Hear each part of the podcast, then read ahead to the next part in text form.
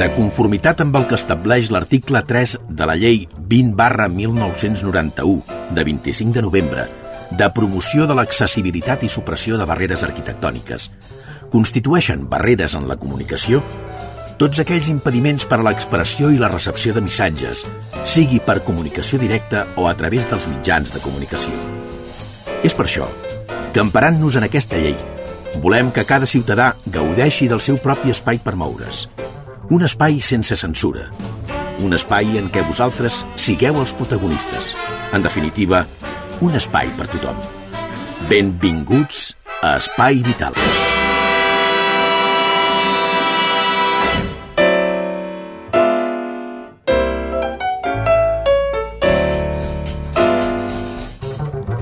Benvinguts, ben trobats, senyores i senyors. Una setmana més, un dia més, un any més. El nostre programa, el vostre programa, Espai Vital.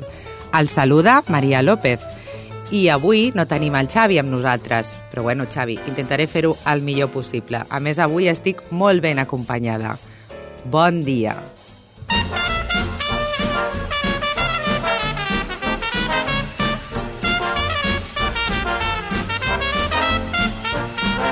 Espai Vital.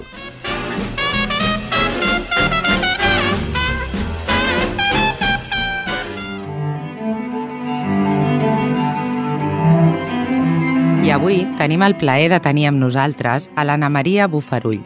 Anna Maria és directora de cinema i ens ve a parlar d'un projecte molt interessant, d'una pel·lícula que es rodarà en breu si tots i totes ho fem possible, que parla d'una enfermetat que avui en dia afecta a un milió i mig de persones a Espanya, la fibromialgia. Bon dia, Anna Maria, què tal?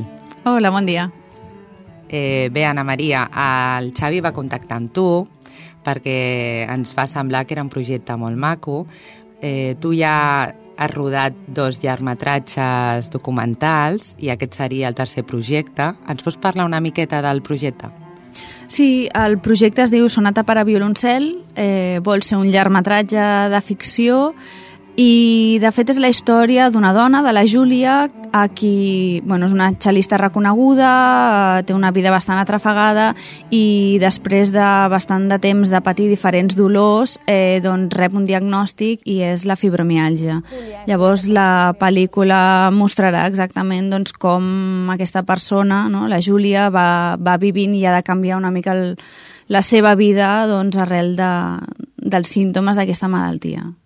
Ana Maria, d'on va sorgir la idea de, de gravar una pel·lícula, de rodar, perdó, una, una pel·lícula al voltant de la fibromialgia?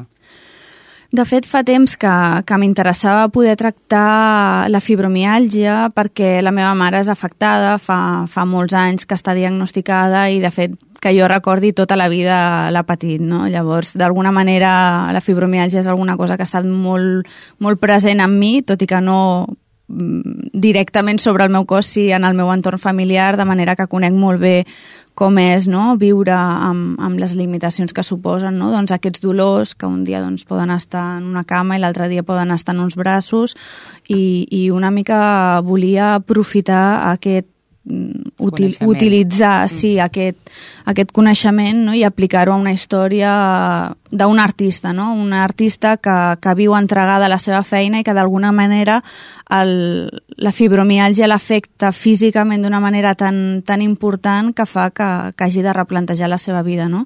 Si tots pensem en com es toca el violoncel, no? és, és un fet molt físic, molt físic i alhora molt espiritual, no? i m'interessava molt poder, poder treballar amb, aquests, amb aquestes dues facetes. Molt bé. Ja veus, eh, jo m'he estat informant i he vist que ja teniu la que seria l'actriu principal, ja teniu designada, que seria... Mm. Carme Elias. La Carme Elias, sí. que va guanyar el Goya a la pel·lícula El Camino. Mm -hmm. eh, teniu les persones que s'encarregaran de tot el tema musical. Mm -hmm. uh, I què us faltaria, Ana Maria, per tirar endavant aquest projecte? A veure, bàsicament, clar, estem parlant d'aixecar una pel·lícula de ficció, sempre suposa molts recursos, a més no és una pel·lícula eh, senzilleta, t'ho dic des del coneixement, he pogut fer dos llargmetratges documentals mm, de manera molt senzilla, molt autònoma, però sí que és veritat que estem parlant d'una pel·lícula on es necessiten molts músics, és una violoncel·lista eh, que viatja, és una violoncel·lista que toca amb una orquestra, llavors, evidentment, hi ha molts recursos i d'alguna manera s'han de poder finançar. No? Llavors, ara estem en un procés doncs, de, de parlar amb les diferents televisions, amb diferents doncs, sectors, des de la Generalitat de Catalunya fins al Ministeri de Cultura, perquè ens ajudin a finançar-la com qualsevol altra pel·lícula, no? és una mica el camí convencional, però també és veritat que, que som molt actius eh, i que volem tirar endavant aquesta pel·lícula, si no és amb, menys, amb més recursos ha de ser amb menys, i el que, el que volem fer és arribar a, a la gent i que la gent mateixa que té ganes de veure veure aquesta pel·lícula, que té ganes de veure aquesta història en la pantalla gran, doncs ens pugui ajudar. No? I per això hem posat en marxa una campanya de crowdfunding, que és un nou sistema de finançar projectes culturals, no? crowdfunding o micromecenatge. No? Llavors, qualsevol persona que vulgui ajudar-nos en, en aquest llarg camí que, que, que va començar ja el 2011, doncs pot entrar a la nostra web, www.sonataparavioloncel.com o en castellà www.sonataparavioloncello.com i allà trobarà informació sobre la pel·lícula, sobre les persones que hi han col·laborat, associacions que hi han col·laborat i d'alguna manera també poder contribuir ell mateix doncs, a ser part d'aquest projecte, no? des de doncs, el, el que més necessitem són diners, és així. Tot, fer una pel·lícula és un procés molt car i realment mm, qualsevol que ens ajudi realment doncs, li estem molt agraïts.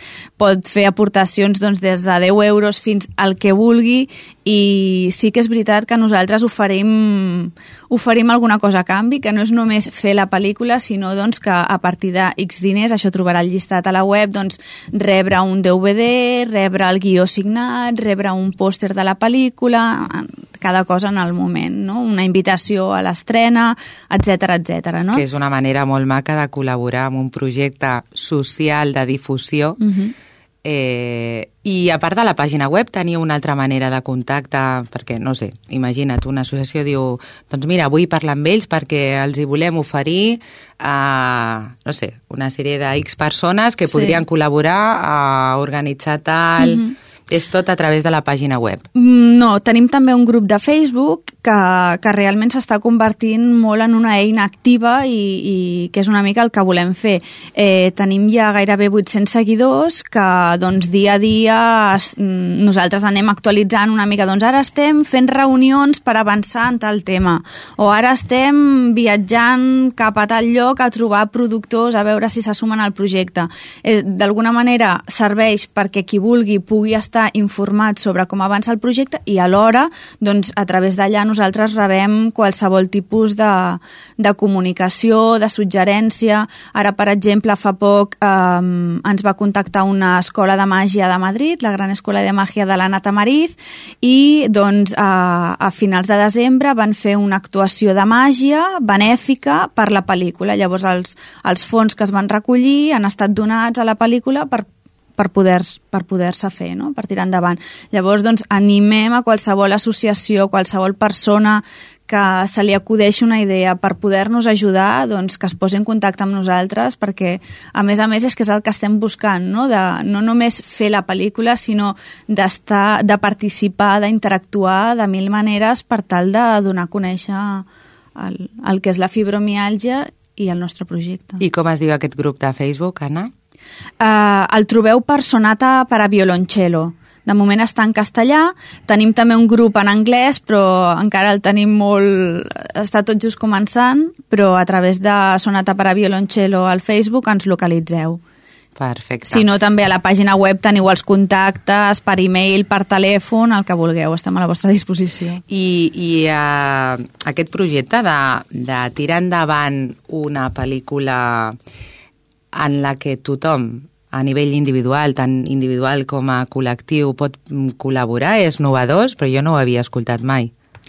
Es comença... Aquí a Catalunya. Es comença a fer, n'hi ha, ha hagut alguns, per exemple, en Joel Joan acaba de rodar una pel·lícula que també havia posat en marxa aquest sistema de recollir diners per tal de contribuir a la pel·lícula i es va fent cada cop a, a, a Madrid. Hi ha un altre projecte que es diu El Cosmonauta, que va ser el pioner, diguem, a, a nivell de l'estat espanyol de posar en marxa tot aquest sistema, però sí que és veritat que és relativament novedós i d'alguna manera també és la sortida a, a projectes que que... En un moment de crisi. En un moment de crisi, clar, s'ha de renunciar a projectes, diguem, petits o projectes que potser no són... Tan comercials, no? Evidentment no seran els taquillazos mm -hmm. o que directament no són els noms no? que tots coneixem i que són els que poden tirar endavant projectes importants. Llavors, d'alguna manera, el que fa possible és que eh, creïs una comunitat de persones que et donen suport en el sentit de que tots volen que la pel·lícula es faci realitat i que d'alguna manera puguin contribuir activament. Ja dic, també doncs, des del, mm, ara perquè encara no estem en rodatge, però quan haguem de rodar i necessitem omplir un auditori, evidentment farem una gran crida i tothom que vulgui doncs, a venir a l'auditori a fer d'extra i tal, doncs evidentment eh, també és una de les necessitats que tindrem, no? A cada moment aniran sorgint necessitats i cadascú pot participar activament de, de diferents maneres. Doncs, Anna Maria, mm, jo no sé si voldries afegir alguna cosa més, però realment jo crec que és un projecte molt engrescador, és un projecte que a mi personalment, per la part que em toca, perquè jo no la meva mare, però he tingut he conviscut amb una persona amb aquesta enfermetat i a més crec que són persones que tenen una força voluntat mm. eh, que els hi porta a continuar la seva vida mm. adaptada d'alguna manera però continuar amb molta força i jo crec que aquestes persones estaran super agraïdes de poder veure fet realitat una pel·lícula mm. on explica veritablement què és aquesta enfermetat, mm. que cada vegada més està afectant i sobretot a, a un col·lectiu de dones, no? Sí, exacte. De fet, a veure, la lluita per tirar endavant una pel·lícula és molt dura, hi ha moments bons, hi ha moments dolents, però el que sempre ens anima és rebre e-mails a través doncs, de la web, a través del Facebook, de gent donant-los les gràcies per fer, per fer aquest projecte, per donar veu no? a tantes històries particulars a través doncs, d'aquesta doncs, història que pot arribar a la gran pantalla i això és una cosa que ens ajuda a seguir i que, que ens dona ànims per seguir lluitant fins que tinguem la pel·lícula feta i puguem estrenar-la. Doncs jo crec que venia al programa i, i perquè el director del programa, el Xavi, és un gran lluitador també per un mm. tema d'una enfermetat. Eh, jo crec que us augurarà molt d'èxit, estic convençuda, i estic convençuda que el Xavi us diria el mateix. Moltes gràcies. I, bueno, i espero i desitjo que ens convideu a l'estrena i si I podem tant. col·laborar d'alguna manera més a fons, jo ho ofereixo personalment.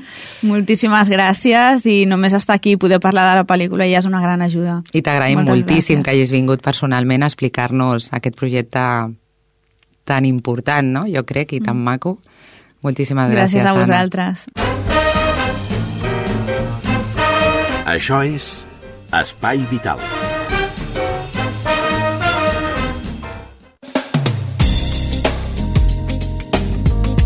I ara us deixarem pas amb una entrevista que vam fer l'altre dia, el Xavi i jo, a la cap de comunicació Isabel Martínez de Sonrises de Bombay.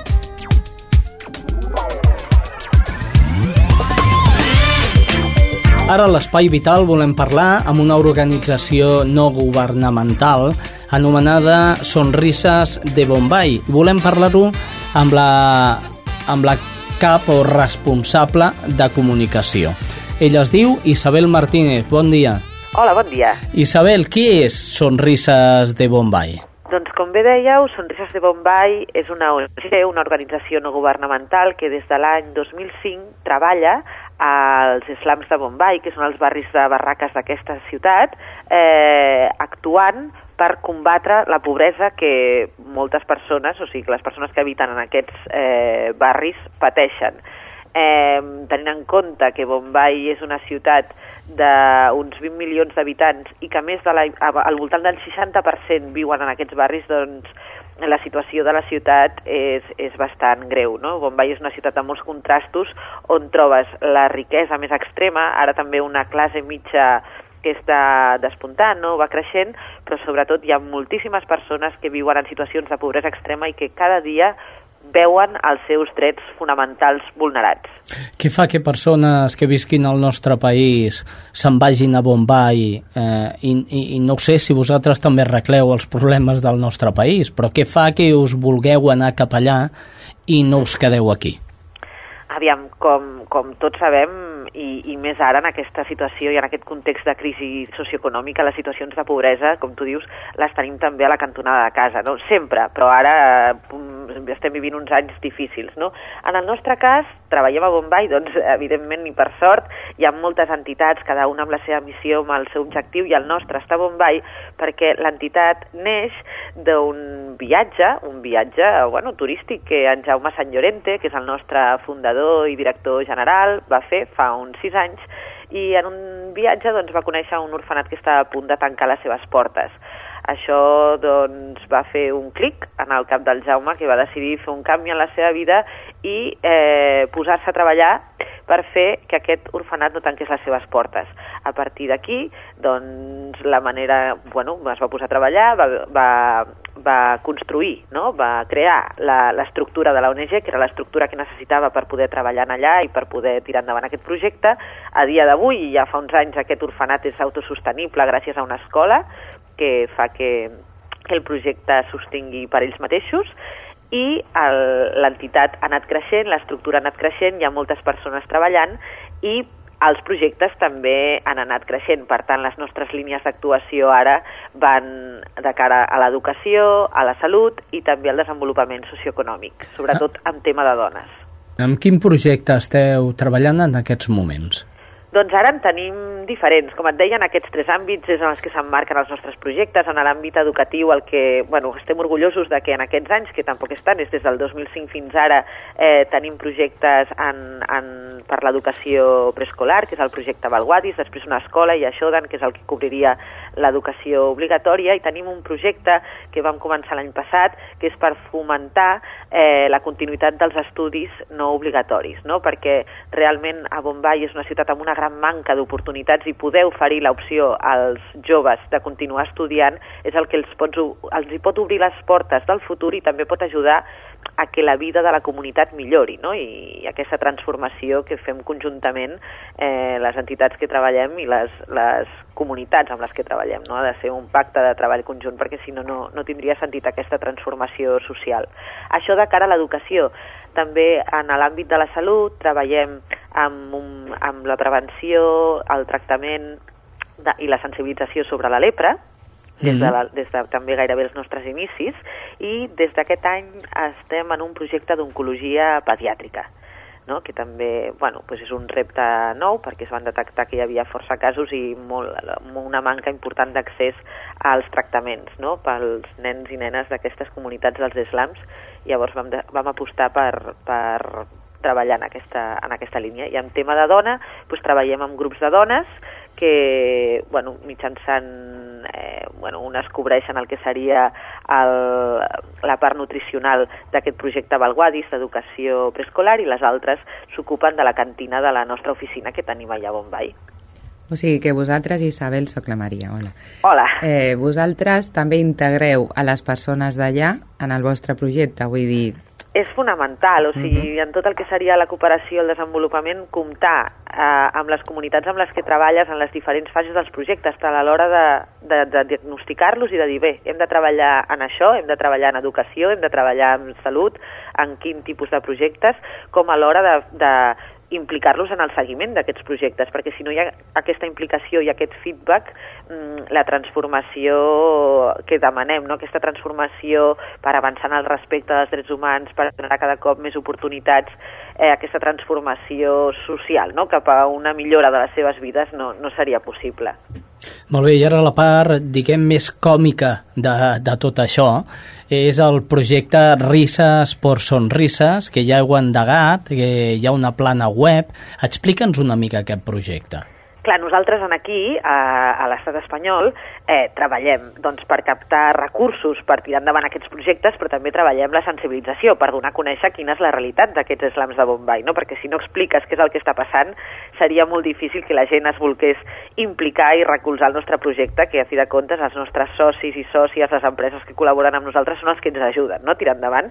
Llavors, enguany vam decidir el dia 17 d'octubre, és el Dia Internacional per la Lluita contra la Pobresa, i vam voler organitzar, bueno, vam organitzar diferents accions, però una volíem que fos online, volíem que permetés la participació de moltes persones i vam pensar que en aquest moment, no, que és un moment complicat per moltes persones, com dèiem també aquí, i el nostre tema que tractem és un tema molt seriós, eh, per què no doncs, eh, recolzar-nos en el sentit de l'humor, i en aquest cas vam anar a buscar els monologuistes, no? que tan sovint ens fan riure per la televisió i en tants espectacles, i vam organitzar aquesta web, que es diu Risses per Sonrises. L'objectiu era, vam demanar a diferents monologuistes la seva participació, vam organitzar un parell d'espectacles i la idea era, bueno, vam penjar aquests monòlegs a la web i la idea era que les persones que entrin i que els mirin els comparteixin, no? Si s'han rigut, si han passat una bona estona, comparteixen aquest monòleg amb els seus contactes o per correu electrònic o per Twitter o per Facebook, fan passar una bona estona també als seus amics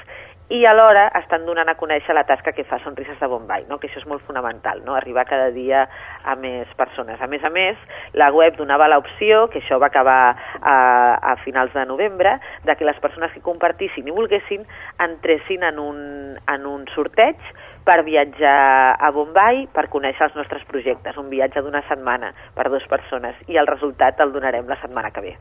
Molt bé, anem acabant, Isabel. Eh, de quina manera la gent que ens estigui escoltant en aquests moments eh, pot col·laborar, es pot posar en contacte amb vosaltres, eh, de quina manera poden col·laborar, eh, què poden fer? Jo els diria que si volen contactar amb nosaltres truquin al 93 467 3445 o ens enviïn un correu a info arroba sonrisesdebombay.org.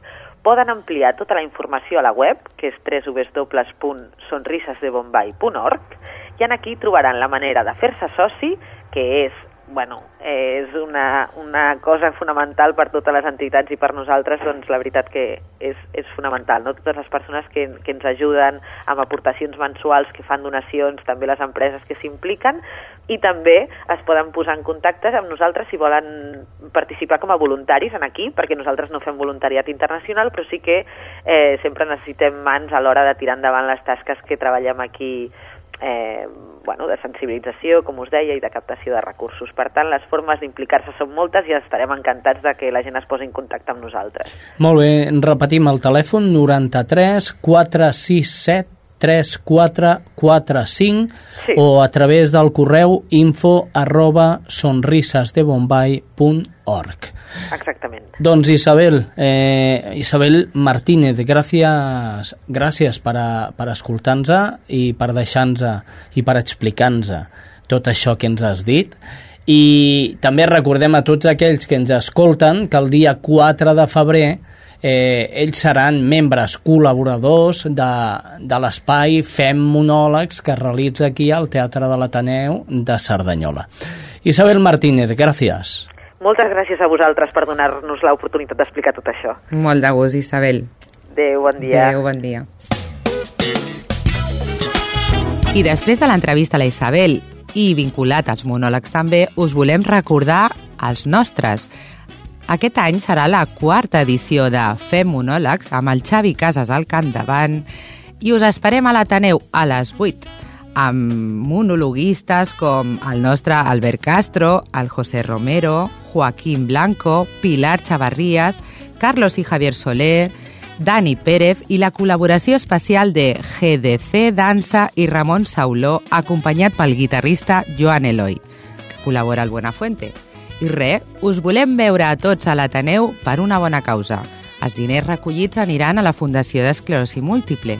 Ja sabeu, el 4 de febrer a les 8 us esperem a l'Ateneu de Cerdanyola. I després voleu venir a sopar amb nosaltres? Doncs també podeu venir a sopar després de l'actuació.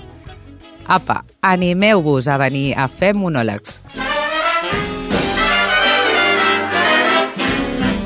I amb aquest ànim de riure després dels de monòlegs, anem a fer el torn de la nostra roda informativa. Fem una volteta a les nostres poblacions que coprodueixen el nostre programa. Anem a Ripollet, Barberà, Montcada, Santa Perpètua, Sabadell i Cerdanyola. Bon dia, Ripollet. Rem Herrera. Hola Maria, bon any. Aquesta setmana des de Ripollet us parlem del servei Respir de la Diputació que ha permès a 1.600 famílies allotgerir la dependència a Ripollet. L'àrea d'atenció a les persones de la Diputació de Barcelona ha fet una bona valoració d'aquest servei Respir. Es tracta d'un programa d'estades temporals adreçat a les famílies que tenen al seu càrrec persones amb dependència, ja siguin persones grans de més de 65 anys o persones amb discapacitat psíquica, d'edats entre 6 i 65. El servei es basa en estades temporals residencials de 15 dies a dos mesos de durada en el cas de la gent gran i de 3 dies a 2 mesos en el cas de les persones amb discapacitat psíquica. La finalitat és millorar la qualitat de vida de les persones cuidadores proporcionant-los un temps de descans. Durant el 2011 han atès 1.129 persones grans de 89 municipis diferents i 524 persones amb discapacitat de 95 municipis diferents, entre ells el de Ripollet. A través d'aquest servei es pretén millorar la vida de l'entorn. I això és tot des de Ripollet aquesta setmana. Fins la setmana vinent. Moltes gràcies, Reme. I ara, Xavi Poza, des de Cerdanyola. Juan Antonio López, un cerdanyoler encarrelat a Lorca, ha posat en marxa la campanya solidària Lorca Renace amb l'objectiu d'ajudar els damnificats pels terratrèmols de la localitat murciana. Un 29% dels diners recollits es destinen a la mesa solidària de l'Ajuntament de la població. Juan Antonio va néixer a Cerdanyola, però va viure els terratrèmols del passat mes de maig a la localitat de Lorca, població on resideix des de que tenia 15 anys. El passat 11 de maig, dos terratrèmols d'intensitat 4.4 i 5.2 a l'escala de Richter van provocar la mort de 9 persones i van deixar més de 300 ferits, a més d'afectar a més de la meitat dels edificis de la localitat. Sis mesos després, 10.000 persones encara no havien pogut tornar a casa seva. Davant d'aquesta situació, Juan Antonio López ha posat en marxa una campanya solidària que vol ser optimista i que consisteix en la venda de samarretes amb el logotip de la campanya. Les samarretes tenen un preu de 8 euros, un 29% del qual va destinat a la mesa solidària de l'Ajuntament de la localitat murciana. L'objectiu somniat per López seria aconseguir convertir la data dels terratrèmols, l'11 del 5 del 2011, en la xifra de vendes de samarretes 1.152.011. La pàgina web de López, catetosaurio.com, informa de com col·laborar amb aquesta iniciativa amb samarretes que es poden adquirir contra reemborsament o amb transferència a un compte del Banc de Santander. Juan Antonio López explica que vuit mesos després dels terratrèmols la ciutat necessita molta ajuda perquè cada cop es realitzen les iniciatives necessàries amb més retard. López comenta que les ajudes oficials arriben amb contagotes després de l'estímul inicial i encara hi ha molts edificis per construir i molts comerços tancats. López explica que la campanya solidària també serveix per pagar lloguers en una ciutat on hi ha pocs pisos lliures. La campanya Lorca Renace s'allargarà durant tot un any i es venen samarretes de les talles 8-10 a XXL a un preu de 8 euros cadascuna. El projecte solidari està sota control de l'Ajuntament de Lorca i figura com a campanya solidària al portal institucional de l'Ajuntament a internet. Això és tot des de Cerdanyola Ràdio. Fins la setmana vinent. Gràcies, Xavi. I ara de la mà de Judit González, la crònica de Barberà. Salutacions des de Ràdio Barberà. La regidoria de gent gran de Barberà del Vallès ha presentat el nou programa d'activitats Activa't Més 60. Entre el ventall de propostes trobem les incloses al cicle d'activitats física i saludable. Així doncs, aquells que estiguin interessats en aquest cicle podran optar a diverses activitats, com un taller de gimnàstica per millorar la flexibilitat, la coordinació i el to muscular, tallers sobre moviment conscient i relaxació, altres com de Qigong, passejades pels parcs de Barberà i iniciar-se al country en un taller en el que s'ensenyaran nocions d'aquest peculiar ball. A més d'aquestes activitats, el programa acull aspectes tan diversos com la formació, les noves tecnologies, la cultura i l'expressió creativa. Fins la setmana vinent. Gràcies, Judit. I la Sílvia Díaz des de Montcada Ràdio. Hola, salutacions des de Montcada, l'Espai Vital. La Federació d'Associacions de Veïns de Montcada i Reixac ha començat l'any reprenent les accions a favor de la sanitat pública i per reclamar que torni a funcionar al municipi el servei d'urgències nocturn que es va clausurar el juliol passat. L'11 de gener va tenir lloc el primer acte de l'any i va consistir en una xerrada del secretari de la plataforma d'Empeus per la Sanitat Pública, Antoni Barberà, que va donar una autèntica injecció de moral i optimista per mantenir viva la lluita veïnal. No ens hem de resignar ni deprimir, sinó denunciar per la via civil, administrativa administrativa, internacional i penal totes les decisions de l'Estat que atentin contra els drets de la ciutadania. Va ser el missatge de Barberà qui va posar com a exemple d'aquesta nova estratègia la dimissió del president de l'Institut Català de la Salut, Josep Prat, com a director general del holding d'empreses municipals de Reus, Innova i com a director de serveis de l'Ajuntament de Reus, arran d'una denúncia de la CUP de Reus per la incompatibilitat en els càrrecs públics i privats que compaginava. Barberà també va desmuntar alguna de les idees del discurs oficialista que s'ha instal·lat en la ment de molts ciutadans convençuts que el sistema de sanitat pública actual és insostenible i que cal fer sacrificis. Catalunya dedica el 6% del seu PIB a la sanitat, molt per sota d'Espanya, que hi dedica gairebé el 7 i de la Unió Europea amb el 7,5. No és veritat que es gasti molt, va dir Barberà, sinó que es vol convertir la sanitat en un negoci i la salut en un mercat, va concloure. Doncs bé, això és tot. Fins la setmana vinent. Moltes gràcies, Sílvia. I per acabar, Estrella Núñez, des de Santa Perpètua. Salutacions a l'Espai Vital des de Santa Perpètua en aquest primer programa del 2012.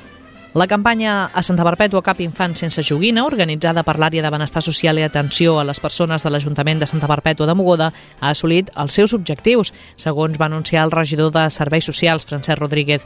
Es van arribar a recollir més de 650 joguines que van servir perquè 62 infants de 27 famílies amb pocs recursos de la localitat tinguessin una nit de reis com la resta. El regidor de Serveis Socials es va mostrar molt satisfet amb la resposta ciutadana a aquesta iniciativa per recollir joguines per als infants més vulnerables del municipi. S'han donat joguines noves, no bèl·liques i no sexistes, i també s'han aportat joguines usades però en molt bon estat. La proporció ha estat de 340 de noves. Rodríguez ha agraït la col·laboració de comerços, entitats i tres partits polítics en la campanya i ha afirmat que la ciutadania perpetuenca es mereix un reconeixement per la seva solidaritat. Els lots per a cada infant estaven formats per tres regals i la resta de joguines es distribuiran als centres oberts i a un nou espai que es crearà a l'àrea l'àrea de benestar social per als infants mentre els pares són atesos. Això és tot des de Santa Perpètua. Fins al proper programa. Mandile es de Zimbabue, tiene 15 años y es seropositivo. Ecedine es de Etiopía, tiene calazar. Sufre malaria. Tuberculosis. Mal de Chagas. El diagnóstico es complejo. Es una enfermedad que sin tratamiento es mortal. Sin embargo, su precio es alto para alguien sin recursos. El problema es muy simple. Sin acceso al tratamiento, no hay cura. A tu salud, Negash. A tu salud, Isaka. Si te duele que miles de personas no tengan medicinas para curarse, compra en tu farmacia las pastillas contra el dolor ajeno.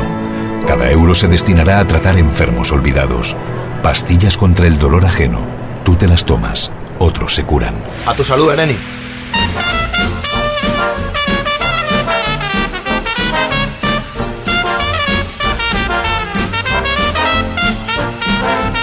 Espai Vital.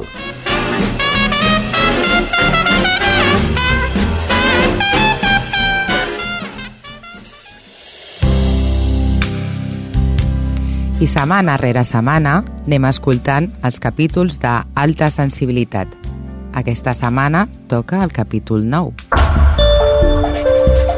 A continuación, les ofrecemos Alta Sensibilidad, un libro sobre el ictus. Alta Sensibilidad, un libro de Isabel Palomeque, escrito en primera persona y llevado a la radio de la voz de María López. Una producción de Spy Vital.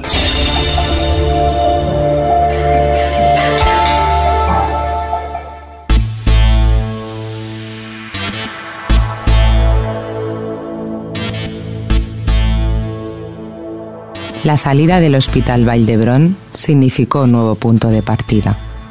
Por una parte, el hecho de abandonar aquel recinto donde los médicos con su distancia me habían hecho sentir un caso perdido me animaba. Por otra, el miedo a cuál sería mi futuro a partir de aquel preciso instante se apoderaba de mí.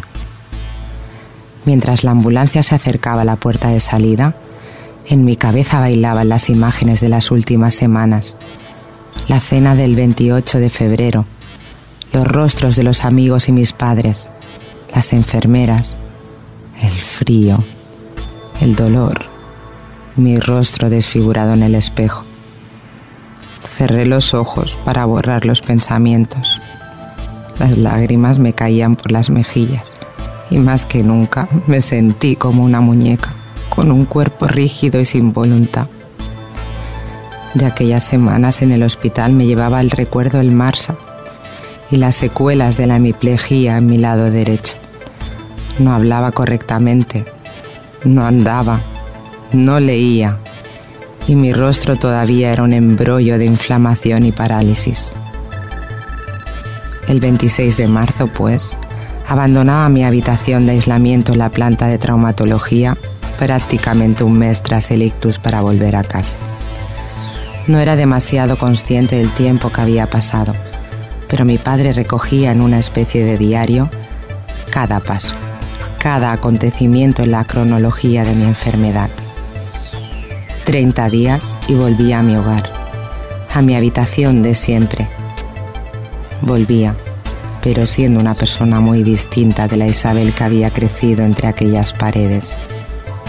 Ya en la puerta de casa pensaba que me habría gustado entrar por mi propio pie, que me habría gustado volver sin aquella congoja que me recorría todo el cuerpo, que hubiera preferido en definitiva que aquel primer día fuera un primer día de esperanza, pero en cambio me sentía agotada, asustada y demasiado nerviosa.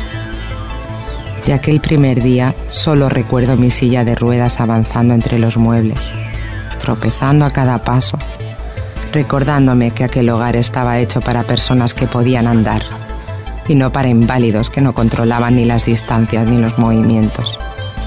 Más que nunca me sentí prisionera de aquel montón de chatarra, además del propio sentimiento de impotencia y desaliento que me atenazaba.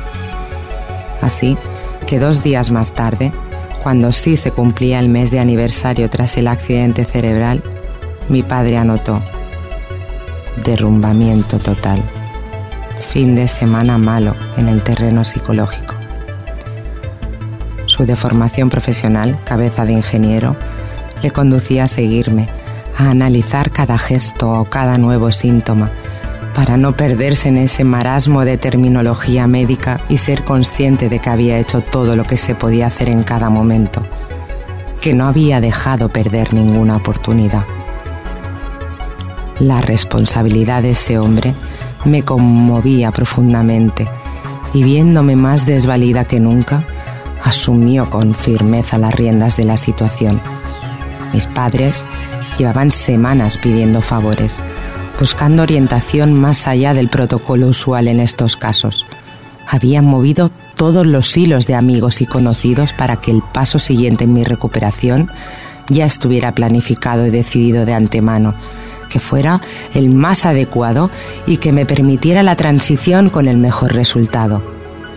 Ellos, como yo, habían comprendido que nos encontrábamos en una carrera cruel contra reloj. Cada día que pasaba sin rehabilitación podía significar el estancamiento, la pérdida de una conexión neuronal, el entumecimiento fatal de un músculo, el extravío de una oportunidad para andar, hablar o pensar de la manera más autónoma posible. De modo que aquel día de mi derrumbamiento total, yo solo pedía, llorando desesperadamente, que por favor me llevaran cuanto antes al Instituto Goodman. Ya no podía esperar más. Mi cuerpo y sobre todo mi cabeza no toleraban la paciencia, que solo podía ser sinónimo de conformismo e Isabel Olevasi, como me sentía, no éramos nada conformistas. Y hasta aquí, Alta Sensibilidad, un libro sobre el ictus. Alta Sensibilidad, un libro de Isabel Palomeque, escrito en primera persona y llevado a la radio de la voz de María López. Una producción de Spy Vital. Alta Sensibilidad un libro de plataforma editorial.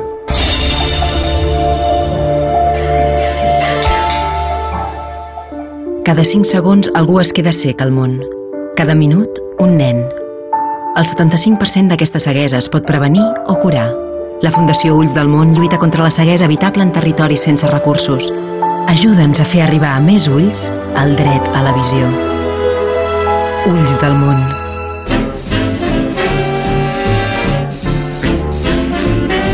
Estàs escoltant Espai Vital.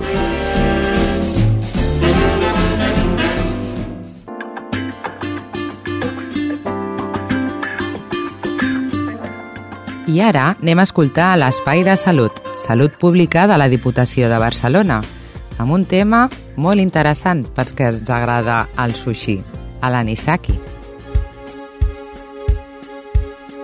Salut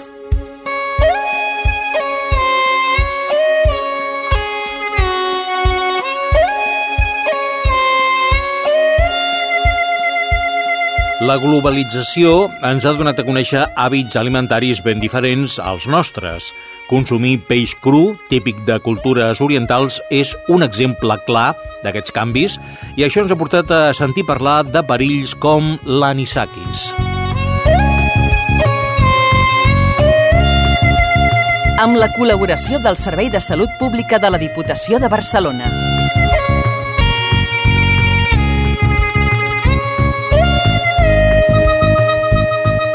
Parlem de la prevenció de l'anisakis. Fem-ho amb Alba Llorenç, tècnica de la Unitat de Seguretat Alimentària del Servei de Salut Pública de la Diputació de Barcelona. Què tal, Alba? Hola, què tal? La primera pregunta sembla òbvia. Què és l'anisakis? Bé, doncs l'anisakis és un nematode, és a dir, un cuc, i que pot parasitar els peixos i altres productes de la pesca i mamífers marins i també a nosaltres, a les persones. A vegades, eh, no sé si algun oient eh, haurà vist l'anisakis quan ha anat a comprar el peix, perquè es pot veure a simple vista. És un cuc de color blanc i que medeix uns dos centímetres.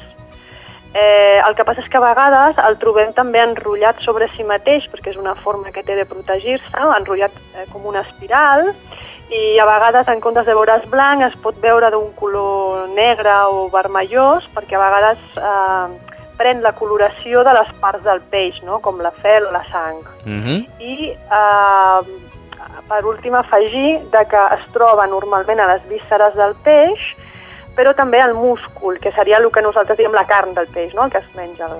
I com arriba als peixos aquest paràsit? Sí, doncs bé, hem de parlar del seu cicle biològic, llavors. A veure, els ous d'aquests cucs estan al mar. Uh, aquests ous oclusionen i les larves que hi surten són ingerides pels crustacis. Els crustacis recordem que són com les gambes i eh, aquest tipus d'animals. Uh, aquests crustacis ingereixen aquestes larves i aquesta larva eh, evoluciona en el seu interior.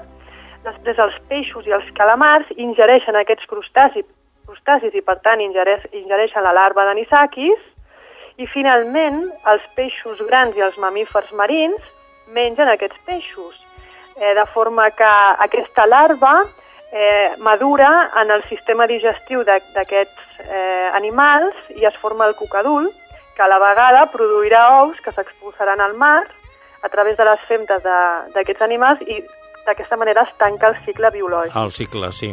I quins peixos poden tenir anisaki, Salva? Eh... Tots o hi ha algunes Moltes. espècies moltes espècies. Podríem citar la sardina, el lluç, la maira, el barat, el rap, el bacallà, salmó, sardina, llucet, saitó, etc. I fins i tot el, el calamar. I voldria afegir que els humans, quan ens parasitem de, de l'anisakis, és quan nosaltres actuem com, per exemple, els mamífers marins, no? recordem el cicle biològic, és a dir, per depredació. Quan nosaltres ingerem, ingerim aquests peixos eh, o productes de la pesca que estan parasitats. I quines malalties poden transmetre a l'home i quins són els símptomes? Quan ens parasitem amb l'anisakis, eh, eh, aquesta parasitosi es diu anisakidosi i els símptomes que dona són dolors abdominals, nàusees i vòmits i en algunes persones també poden, poden desencadenar una reacció al·lèrgica. Mm -hmm. Escolta, esclar, hi ha molta gent mm, que li agrada molt el carpaccio de peix d'alguns peixos i no sé, coses com el sushi o el tataki, no? Això vol dir, el que tu comentes vol dir que no mm, podem menjar o que és preferible no menjar carpaccio, sushi, tataki... Sí, sí, sí que en podem menjar sempre i quan tinguem en compte una sèrie de mesures, que són les que ara us citaré. En primer lloc, hauríem de netejar bé el peix per eliminar bé les restes de l'aparell digestiu, perquè ja hem dit que allà, sobretot, n'hi poden haver.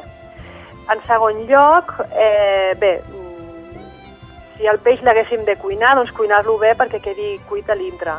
Però en el cas que tu em comentes, eh, la, del peix cru o semicru, el que hem de fer és congelar el peix, perquè congelant-lo eh, eh, matem aquest paràsit, el, el paràsit mora. Mm -hmm. I amb el... A, a nivell domèstic el que Sí. recomanem és eh, fer una congelació del peix durant 48 hores eh, per, perquè així, diguem, eh, s'arribi als menys 20 graus.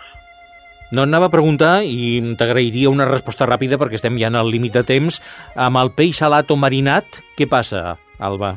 No, l'anisakis no s'elimina amb el salat, ni amb el fumat, amb fred, ni amb la llimona, ni amb escabetx, ni amb cap d'aquestes eh, tècniques. Els únics tractaments que asseguren la seva destrucció són, com hem dit, la cocció i el congelat.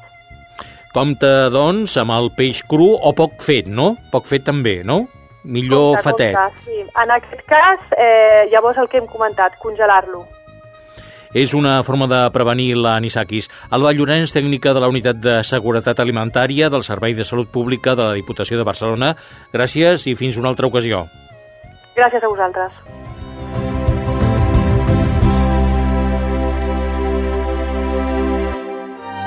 Quina gana que tinc, eh? Oh, a veure, anem a parlar amb la Conxita Naudi. Aviam que ens ha preparat sorpresa. Conxita, què ens has preparat aquesta setmana? Aquesta setmana, mira, eh, vaig aprofitar que em van convidar a un dinar i una de les persones que hi havien va portar un pastís fred i com que em va agradar tant he pensat que, mira, valia la pena eh, donar-lo perquè mm, us, us agradarà, vaja. És senzill i molt bo.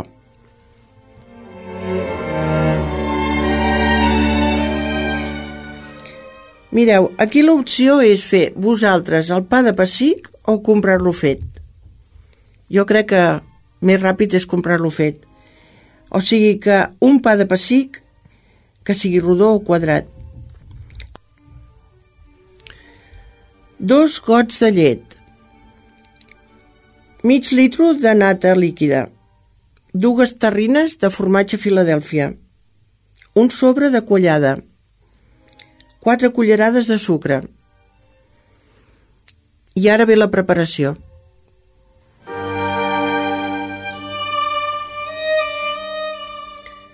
Mireu, s'agafa el pa de pessic i es talla a molt de compte tot a lo llarg i es fan dos o tres pisos.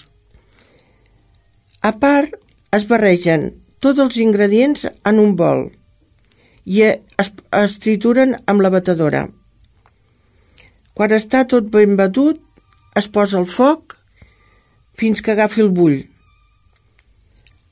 Així que agafi el bull, el que heu de fer és tancar el foc i, i apartar-ho.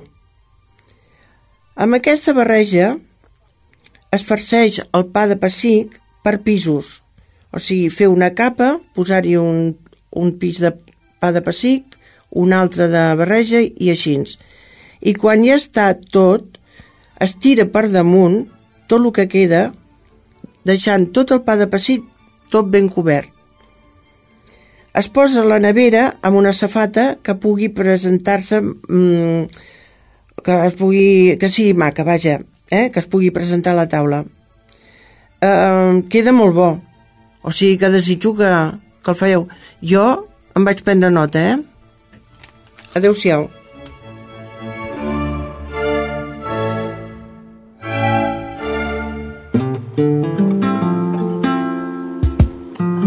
Una setmana més, moltíssimes gràcies per escoltar-nos, per acompanyar-nos amb aquest camí.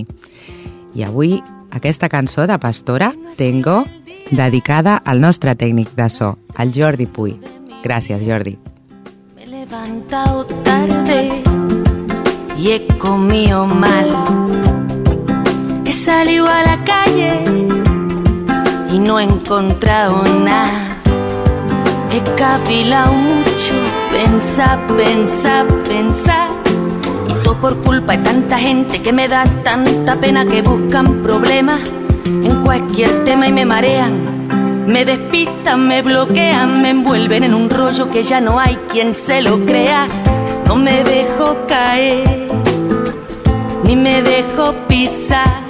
Tengo el alma espabilada de tanta tontería escucha. Porque tengo tiempo, tengo ganas, tengo amor dentro de mi cama. Tengo un chiste que no cuento para reírme yo por dentro. Tengo mucha mala leche cuando algo se me tuerce. Tengo lunas, tengo soles, tengo un tío que me pone. Tengo, tengo, tengo y retengo y me mantengo, tengo. Si me sobra me lo vendo y así, así disfruto el extrapelo. Tengo un túnel y un lucero para alumbrar lo que más quiero. Tengo un nudo en los tacones y camino a trompicones. Tengo chispa y jaleo si sigo tu contoneo. Tengo ganas de robarte, de quererte y de timarte.